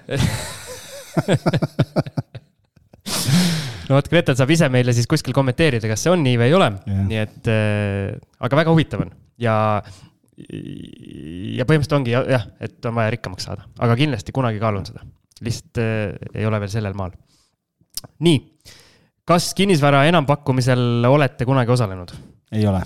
jah, olen Lähme edasi mina olen kahel korral osalenud äh,, online oksjonid olid mõlemad, ühe võitsin, see oli Kehra ühetoaline korter. pakkusin äh, umbes tuhat eurot üle, kui mu esialgne plaan oli. sellest meil on tegelikult päris palju räägitud siin põhiosades ja mingid boonusosad ka tehtud ja olen ka ühe korra osalenud äh, Jüris, müüdi kahte garaaži, müüdi eraldi, aga garaažid olid selles mõttes ühendatud, et vahesein oli maha lõhutud ehk siis äh, plaan oli osta mõlemad või mitte kumbki ja kuna hind keris nii üles äh, ära, et siis äh, loobusin poolel teel. nii. järgmine küsimus on, mis sai teie mentorlusprogrammist? millised on tulemused, saavutused, kas on oodata ka follow-up, follow-up episoodi? Ja me oleme seda tegelikult arutanud, et äh, aasta lõpus rääkisime, et peaks selle follow-up'i tegema, aga lihtsalt äh, puhtalt ajapuuduse tõttu on see siiamaani tegemata ja tegelikult võiks selle ära teha küll. Ähm, lihtsalt lühidalt öeldes võib öelda nii, et, äh, et naised on tegusamad kui mehed. jah, et on nii-öelda saates või seal mentorlusprogrammis osalenud ähm, naisterahvad on endale objektid soetanud. kõik on mingi tehingu teinud. just, kas ja. siis kodu või investeerimisobjekti ja oleme nendega ühe korra silmast silma kokku saanud, natukene veebi teel mõtteid vahetanud, aga, aga kokkuvõttes, mis mina sellest kaasa võtan, on see, et me lendasime suure hurraaga peale ja meil oli tegelikult läbi mõtlemata mm. need kavad kõik, kes sellest osa võtsid meie poolt, kõigil oli jube kiire ja tegelikult nii-öelda mentordatavad olid ka väga nii-öelda aktiivsed inimesed ja sellist ühist aega oli keeruline leida. ja kinnisvara on selline valdkond, kus ega kiiresti nii-öelda midagi ei tee. ehk siis asjad võib-olla ei läinud täpselt nii, nagu meie lootsime, aga ma ei tea, kui me teeme nüüd selle follow-up saate, siis me saame kuulata nende nii-öelda mentordatavate poolelt, et eh, mis nemad üldse ootasid ja arvasid, et saab, saab juhtuma ja mis tegelikult juhtus. just, et selles mõttes eh, igal juhul väga äge, ägedad inimesed sattusid meile sinna ja, ja, ja, ja meil see nii-öelda chat eh, on, on, praegu on küll vaikelu seal, aga mingitel hetkedel ikkagi üsna, üsna aktiivselt sai jagatud äh, seal vastatud küsimustele, nii et, et tervitused kõigile siitpoolt. jah, selles mõttes väga, väga huvitav kogemus minu jaoks mm -hmm. ja väga huvitavad uued tutvused. nii, kui korterit hetkel müüma hakata, siis mida mainida, et just sel hetkel on hea aeg osta? noh, tippmaakler, kuidas sina vaatama tulijale selgeks teed, et just nüüd, just see korter on see, mida sa vajad? Sellele küsimusele ju ei ole äh, ühte õiget vastust, et. no ütle, anna paar õiget noh, vastust no, no ma lihtsalt mõtlen seda, et, et just sel hetkel on hea aeg osta, et äh, see on see äh, igavene nii-öelda dilemma ja diskussioon, kus ostjad ütlevad alati, et noh, praegu on ju praegu ei ole tegelikult üldse hea aeg müümiseks, sellepärast et hinnad ma sõnastan küsimuse siis ümber. kuidas sina oma müüdavaid kortereid ostjale pähe määrid? Ma ei määrigi pähe, sellepärast et ma alati ütlen ostjatele, et ega tegemist ei ole sokipaari valimisega, et et aga mina lihtsalt alati rõhutan, ma ei rõhuta turu kontekstis, ma räägin alati objektist. selles mõttes, et mina müün seda konkreetset korterit sellel turuhetkel, kus klient on selle mulle müü-, müüa usaldanud ja, ja, ja noh, ma ütlen niimoodi, et kui tuleb jutuks, sest tavaliselt, kust tuleb see jutt sisse, et noh, et kas on hea aeg osta või, või, või mitte siis see tuleb tavaliselt ikkagi iga kohtumise lõpus. et, eh, et kui ostjad ka küsivad, et, eh, et noh, et, et, et mis see lõplik hind siis on, millega omanik on nõus müüma või, või et kas pakkumist ka võib teha ja nii edasi ja noh, et siis, siis ma tavaliselt nagu peegeldan seda olukorda, mis on, kui palju huvilisi on kõik nii edasi. see oli nii pull, kuidas su kehakeel näitas välja, et ja. sulle väga ei meeldi nüüd küsimused, et ei, mis hind see on ei, selles mõttes, et noh, see oli lihtsalt nagu illustreerivalt, on ju, aga lihtsalt on see, et ja siis, siis sa sealt näed seda, seda erinevust, seda arusaama, et kuidas ostjad arvavad, et noh, et ega tegelikult on okei okay, kümme, kakskümmend protsenti nagu alla teha pakkumine, sellepärast et hinnad ju on juba kukkumas ja kukuvad veel ja samas siis mina pean teiselt poolt põhjendama seda, kuidas äh, me oleme teinud analüüsi ära ja hindajatega konsulteerinud ja see on tänane hind, millega me müüme, on selline. et aga see, et kuida-, mida mainida, et just sellel hetkel on hea aeg osta, siis ma arvan, et äh, seal ei ole küsimus selles, et kas on hea aeg osta või mitte, sellepärast et kui kui äh, see sõltub jälle, kui müüa kodu, siis kodu on vajaduspõhine, kui müüa investeerimiskorterit, siis on tootlusepõhine väga palju. et see, millisel ajahetkel keegi seda ostab, äh, siis ma arvan, see selles mõttes ei oma tähtsust. mina arvan, kellel muidugi sellist nii-öelda müümiskogemust on äh, kümnetes ja kümnetes kordades vähem kui algisel, siis mina arvan, et mingeid erilisi lööklauseid ei ole mõtet endale pähe õppida, vaid vaid müü korralikku asja, ole selles mõttes asjatundlik, et äh, vasta Present, kõigile. presenteeri korralikult. just, presenteeri korralikult, ole asjatundlik, vasta kõigile küsimustele ausalt ja läbipaistvalt ja oska kõigile küsimustele vastata või, või vähemalt siis ole valmis uurima neid asju, mis sult küsitakse siis nii-öelda hiljem jah, ja ega sa ei lähe ju selle mõttega müüma, et sa pead hakkama kõiki ostjaid ümber rääkima või neile kuidagi pähe määrima mõtet, et praegu on hea Just. aeg osta, sest kui. kui inimene juba otsib, siis ja, ta eeldatavalt tahab osta. kui sa paned oma kuulutuse üles ja see klient tuleb sinna kohale, siis see tähendab, et midagi tema kõnetas, kas korter ise, asukoht, äh, tootlus, äh, hind mis iganes põhjus ja siis lihtsalt ongi vaja kliendi käest mitte, mitte talle müüa seda mõtet, et praegu on hea aeg osta, vaid küsida, miks ta just teie korterit vaatama tuli, et mis talle selle juures meeldis või, või mida ta otsib täpselt, et see välja selgitada, et siis aru saada, et äh, kui suur see ühisosa on. just, olen nõus. nii, ja viimane küsimus meie, meie põhiosas on selline, et äh, ma tean, kes selle saatis äh,. see inimene käis meil just äsja saates ka salvestamas. ahah, see saade ei ole veel välja tulnud selle salvestuse hetkel? praegusel hetkel veel ei ole jah, aga varsti tuleb. mis vahe on rekkimisel Renault ja remondil? Kas need eristuvad vaid eelarve poolest või on tegemist täiesti erimahuliste töödega? ma ei pea silmas õssi selgitust, pigem huvitab, kuidas üldiselt neid sõnu eristavad investorid. eriti huvitab, millest lähtuvalt Siim nimetab köögi ja liistude vahetust renoveerimiseks jah, seda tahaks mina ka teada, see on väga hea.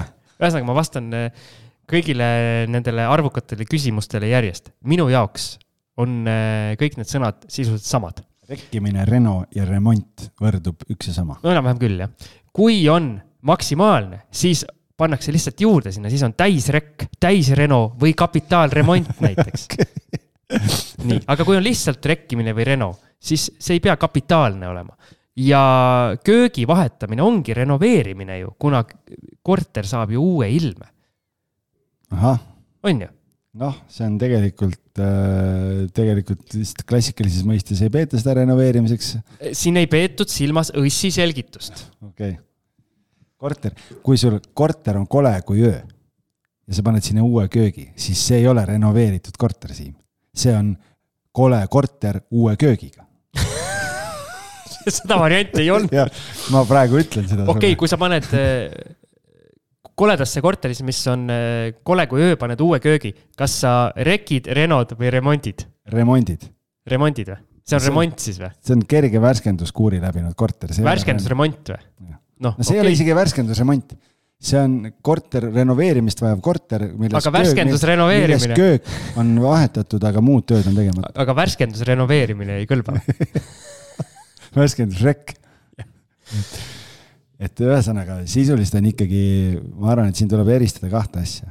üks on selline mugav või kolm isegi, mugavusflipp nii-öelda, kus Siim vahetab liistud ära ja, ja paneb võib-olla uue tapeedi. teine on selline no viimases mugavusklipis ma paningi uue köögi. värskendusremont see..., kus sa terve korteri näiteks teed, äh, maalitööd kõik teed ära, noh, et värskendad ära. Ja kolmas on siis nii-öelda renoveerimine, mina renoveerimise all ikkagi mõtlen seda, kui on torutööd, elektritööd okay., kõik, kõik täies ulatuses, korter tehakse nagu uueks okei okay,, vabandust, mina olen kasutanud, ma arvan, neid sõnu siis ilmselt, miks see küsimus on tulnud, ilmselt siis äh, suht. Äh, meelevaldselt. suht meelevaldselt enam-vähem samu asju kirjeldatavana, nii et proovin ennast parandada, proovin renoveerimist enam mitte kasutada siis, kui ma ainult köögi vahetan, ehk siis äh.... ma tänan igal juhul tähelepanu juhtimast Siimu diletantsusele, et selles mõttes väga asjakohane ja hea küsimus. ahah, no selge, sellega on hea lõpetada. sellega on hea lõpetada mul on siin kirjas lõpp. Kanjets. aga jah, tegelikult see ei ole veel selles mõttes täiesti lõpp, meil tuli üks küsimus veel. üks boonusosa tuleb me tahtsime selle küsimuse boonusosasse viia, kuna küsija tahab kangesti minu äh, rahakotti vaadata ja, ja küsimus on, et äh, millised on Siimu ärilaenude tingimused ja tahetakse üldse siis rohkem teada nii ärilaenude summa, nii-öelda summaliselt kui ka tingimuste kui ka kõige-kõige kohta, mis pank on minult nõudnud ja mõtlesime, et äh, me teeme sellest boonusosa. aga me tegelikult oleme ju teinud me tõmbasime ju sinu portfelli juppideks. ja, aga siin on nii palju konkreetseid küsimusi just nende laenu osas. okei okay okei ehk siis Patreoni toetajaks tulge, saate kuulda, millistel tingimustel Siim pangast raha on saanud. ja boonusosasid saab kuulata patreon.com, kom, kom kaldkriips kinnisvarajutud. nii on ja aitäh kõigile küsijatele. jaa loodame ja..., et saite mingit äh, mõtteainest ja kasulikku ka. ja ärme ära unusta, algis lubas ka auhinna välja loosida jaa. või ma ei tea, kas loosida või me pidime kõige parema küsimuse leidma? kõige parema küsimusele pidime ja auhinnaks on siis äh, kinnisvarajuttude pusa. kas me ütleme kohe välja ka, mis kõige parem küsimus on või? ma jätaks selle sinu valida. minu valida või? kas ma pean kohe välja valima seda või? et ütleme välja selle küsimuse ja siis äh, me võtame selle inimesega ühendust vastavalt sellele, kas küsimus ja mul on, äh, mul on teada, see küsimus on teise ploki kolmas küsimus, see tulumaksu küsimus, et kui üks abikaasa elab sees ja teine ei ela, et kas siis äh, üks peab tulumaksu maksma ja teine ei pea? sest äh, seal me jäime ilmselgelt hätta, aga see loogiline konstruktsioon, või tähendab, see konstruks-, küsimuse konstruktsioon on nii huvitav ja loogiliselt ja. võttes nagu tundub, et kõik on õige, aga samas tundub nagu ei ole ka. jah nii et siis äh, palju õnne, sina saad omale kinnisvarajuttude pusa ja. algis loodetavasti kunagi võtab ühendust või kui ei võta, siis võta ise algisega ühendust, ole hea jah, aga selle pusaga läheb aega, kuna meil on äh, veel. vaja tellida need. ja mõned võlad ka ja, veel äh, ja. enne just pusade osas äh, täita. aga selle põhiosa tõmbame lukku. aitäh kõigile kuulajatele, aitäh, Algis, sulle ekspertiisi jagamast. aitäh sulle ka, väga, väga huvitav oli. sa ei olegi nii-öelda kuiv, kuiv teoreetik, et saad võib-olla millegagi hakkama ka. aitäh sulle. jah, olge tublid, tšau, sinu teekond eduka tehinguni algab Kinnisvara kakskümmend neli portaalist. meie juurest leiad huvilise nii oma Setomaa suvilale kui Kalamaja korterile. kuuluta õiges kohas kinnisvara kakskümmend neli punkt ee kvaliteetsed ja kestvad ventilatsioonisüsteemi terviklahendused teie kinnisvarale. rohkem infot leiad www.knwood.ee